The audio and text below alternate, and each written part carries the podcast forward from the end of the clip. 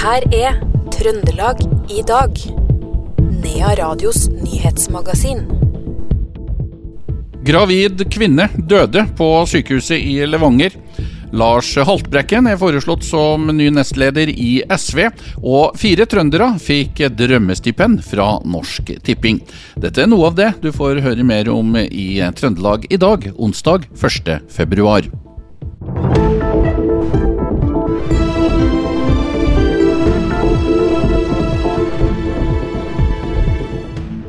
Men vi eh, starter på sykehuset i Levanger, der en eh, gravid kvinne døde uventa på sykehuset på søndag.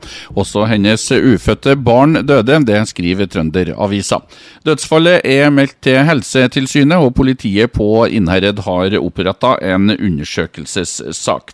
Helseforetaket kan av hensyn til den pågående oppfølginga av hendelser ikke gi ytterligere kommentarer. Det sier kommunikasjonssjef Svein H. Karlsen i Helse Nord-Trøndelag i en pressemelding. Det er begjært obduksjon av den avdøde kvinnen. Det opplyser etterforskningsleder Kjetil Molland til avisa. Statens eh, helsetilsyn vil gjennomføre et stedlig tilsyn med St. Olavs hospital i første del av februar. Det skriver Helsetilsynet i en pressemelding. Bakgrunnen er flere varsler og bekymringsmeldinger knytta til innføringen av Helseplattforma.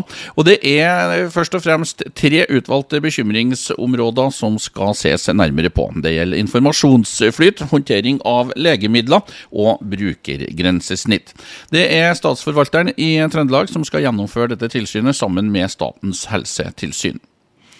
Foreldrene til den forsvunne Odin André Hagen Jacobsen anker henleggelser av forsvinninga til Riksadvokaten.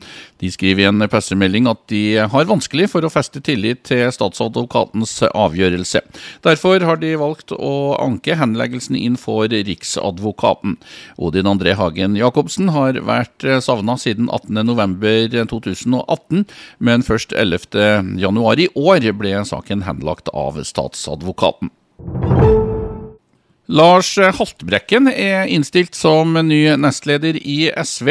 Det ble klart etter at valgkomiteen i dag la frem sin innstilling. Komiteen går enstemmig inn for at Kjersti Bergstø skal overta som partileder etter Audun Lysbakken. Det er også enighet om at Torgeir Knag Fylkesnes skal fortsette som en av partiets nestledere. Bergstø sitter i dag som den andre nestlederen, og valgkomiteen måtte finne en erstatter. Valget falt på Haltbrekken, men komiteen var nesten delt på midten. Fire medlemmer gikk for Haltbrekken, mens tre foreslo Mariann Hussein. Og Lars Haltbrekken han var ikke vanskelig å be da nominasjonskomiteen eh, havna på han. Sjelden tungbedd. Eh, det er klart at eh, det å skulle bli nestleder er ansvarsfullt. Og jeg måtte jo tenke litt på det, men jeg har jo veldig lyst, og er veldig glad for at det er et flertall i komiteen som foreslår at jeg blir eh, ny nestleder i SV. Eh, SV har jo alltid vært partiet for meg, nettopp fordi at SV kombinerer eh, kraftig miljøkamp med en sterk omfordeling og kamp mot de økende forskjellene. Ja, enkelte vil si kanskje at det går fort i svingene med Lars Haltbrekken nå. Det er jo det er ikke så enormt lenge siden du kom inn i politikken heller. Føler du at, du, at det her går i riktig tempo? ja, du, du, vet jeg begynner å bli noen og 50 år, så skal jeg rekke å få gjort unna mye mer, så må det skje raskt. ja, Forholdsvis jevnt da i eh, nominasjonskomiteen. Hva tenker du om det å måtte konkurrere mot eh, kolleger på denne måten her? Det tror jeg skal gå helt fint. Jeg har et uh, veldig godt forhold til Mariann. Og jeg vet også at uh, dersom uh, landsmøtet velger hun, så vil hun bli en utmerket nestleder. og så er vi to ulike personer med ulik bakgrunn. og det er et luksusproblem SV har, sånn sett, vil jeg si. Ja, Og Bergstø, da, som, som er innstilt som leder, hva, hva tenker du om henne? Dere går godt i lag? Jeg vi går kjempegodt i lag, og jeg har virkelig lyst til å dra lasset sammen med Kirsti Bergstø framover i å videreutvikle SV som Norges desidert viktigste miljøparti, som også da uh, slåss for en rettferdig fordeling av samfunnets uh, ressurser. Ja, Det sa Lars Haltbrekken, som altså er innstilt som ny nestleder i SV. Han ble intervjua av Per Magne Moan. Rosenborg signerte i dag en historisk avtale for klubben til flere titalls millioner kroner. Og Nå er det klart at det blir RBK Akademi også for damespillerne. Også får damespillerne reise til Marbella i Spania på treningsleir, i likhet med gutta. Under en pressekonferanse i dag ble det nemlig klart at selskapet SalMar går inn og sikrer for rekrutteringa både på dame- og herresida. Hellbillies, Emma Steinbakken, Synne Vo og CC Cowboys er blant artistene som skal spille på årets utgave av Namsosfestivalen. Det skriver Namdalsavisa. Bandet Grannes, gruppa Hallava Priset og artist Tora Dale Aagaard skal også opptre under festivalen. Det blir en eh, folkelig festival, det sier Bård Jørgen Iversen til Namdalsavisa. Og Namsosfestivalen den går av staben 2. juni.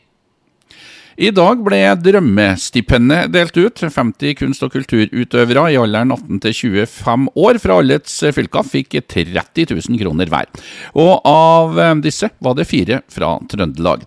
Til sammen skal Norsk kulturskoleråd og Norsk Tipping dele ut 1,5 millioner kroner. Her er sponsoransvarlig Ingvild Skyberg fra Norsk Tipping. Du, Det har jo vært utrolig morsomt. Det har jo vært veldig mye søkere og veldig mye bra søkere. Og det er jo eh, et stipend som vi har hatt Vi har jo jubileumsår neste år, så det har jo vært i mange år nå.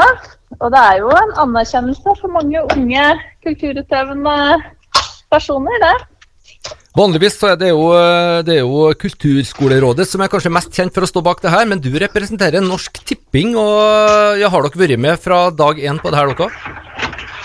Det stemmer. Vi har jo sammen med Kulturskolerådet hatt det sammen eh, i alle år. Og så er det jo på en måte de som fronter det mest. Det har jo vært eh, veldig knytta til eh, kulturskolene i alle år. Men det er jo kjempeviktig for oss å være med og støtte de unge upcoming artistene og utøverne. og det er jo et veldig bredt spekter, fra kunst og alt mulig rart. Så det er jo en del av samfunnsoppdraget vårt. Ja, ja Hvorfor velger dere å prioritere? Altså, det er jo snakk om 1,5 million kroner som deles ut. Jeg regner med at dere er med på, ja. på, på den potten òg? Det er vi, vet du. Det er jo 50 stipend på 30 000 per stipend hvert eneste år. Og det er jo god fordeling jevnt over i hele Norge. Og det er kjempeviktig for oss å være med og støtte på det. Ja, Det sa sponsoransvarlig Ingvild Skyberg fra Norsk Tipping, som ble intervjua av Per Magne Moan. Og de fire trønderne som fikk stipend, det er Frøy Ramsvel fra Trondheim, som driver med sirkus. Adrian Cornelius Næss Vikan fra Namsos, han driver med musikk. Aurora Strøm fra Overhalla, som eh, holder på med skapende skriving. Og Emma Sandsæter Selen fra Steinkjer, som driver med musikk. Arnfinn Elvertrø har takka ja til stillingen som enhetsleder bygg i sektor bydrift og infrastruktur i Stjørdal kommune. Han er bosatt i Elveran og kommer fra stillingen som områdeleder i Forsvarsbygg. Det skriver kommunen i en pressemelding. Den nye enhetslederen får ansvaret for forvaltning, drift og vedlikehold av kommunens bygg, som til sammen utgjør rundt 180 000 kvadratmeter. Snart må du betale mer for å gå ut og spise, det skriver MN24 etter å ha snakka med flere restauranter i Trondheim. Kjedeleder Preben Osterhoff i Sabrura sier at de vil sette opp prisene mellom 5 og 10% avhengig av hvor mye de bestiller fra sine leverandører. Leverandørene til både dagligvare og restaurantbransjen justerer sine priser to ganger i året, 1.2 og 1.7. Denne gang var økningen venta å bli uvanlig høy, og det vil på sikt føre til høyere priser priser på restauranter. Det frivillige skyttervesen ble oppretta 30.07.1892 og står sterkt i Trøndelag. Og 2.-5. så skal det historisk første landsskytterstevnet innendørs avvikles nettopp i Stjørdal. Det er skytterlagene Hegra, Lånke, Skjelstadmark og Stjørdal som har tatt på seg arrangementet som vil bli avvikla ved Olevik videregående skole i Stjørdal. Mediesjef for landsskytterstevnet Gunnar Uglem forteller at det er samme prinsipp for innendørsstevnet som for det vanlige utendørs landsskytterstevnet vi kjenner fra før. Ja, Det er jo i prinsippet en uh, variant av et utendørs landskytterstevne. Altså at det samles veldig mye skyttere og skjøter en standard uh, DFS, altså frivillig skyttervesen-skyting, uh, med 25 skudd i det første standardoppløpet. og De som da gjør det beste, de går til en finale med de ti siste skuddene som vi da kjenner fra landsskytterstevnet som, som kongelaget. Så samme prinsippet. Og så har vi eh, utvikla noe som heter Ola Fiverskyting. Du var jo inne på at en, en tidlig leder i DFS var fra Trøndelag. Det var Ola Five. Og Det er en uh, hurtigskytingsserie på fem skudd, der man får ett minutt til å skaffe seg best mulig poengsum for å gå videre til en finale.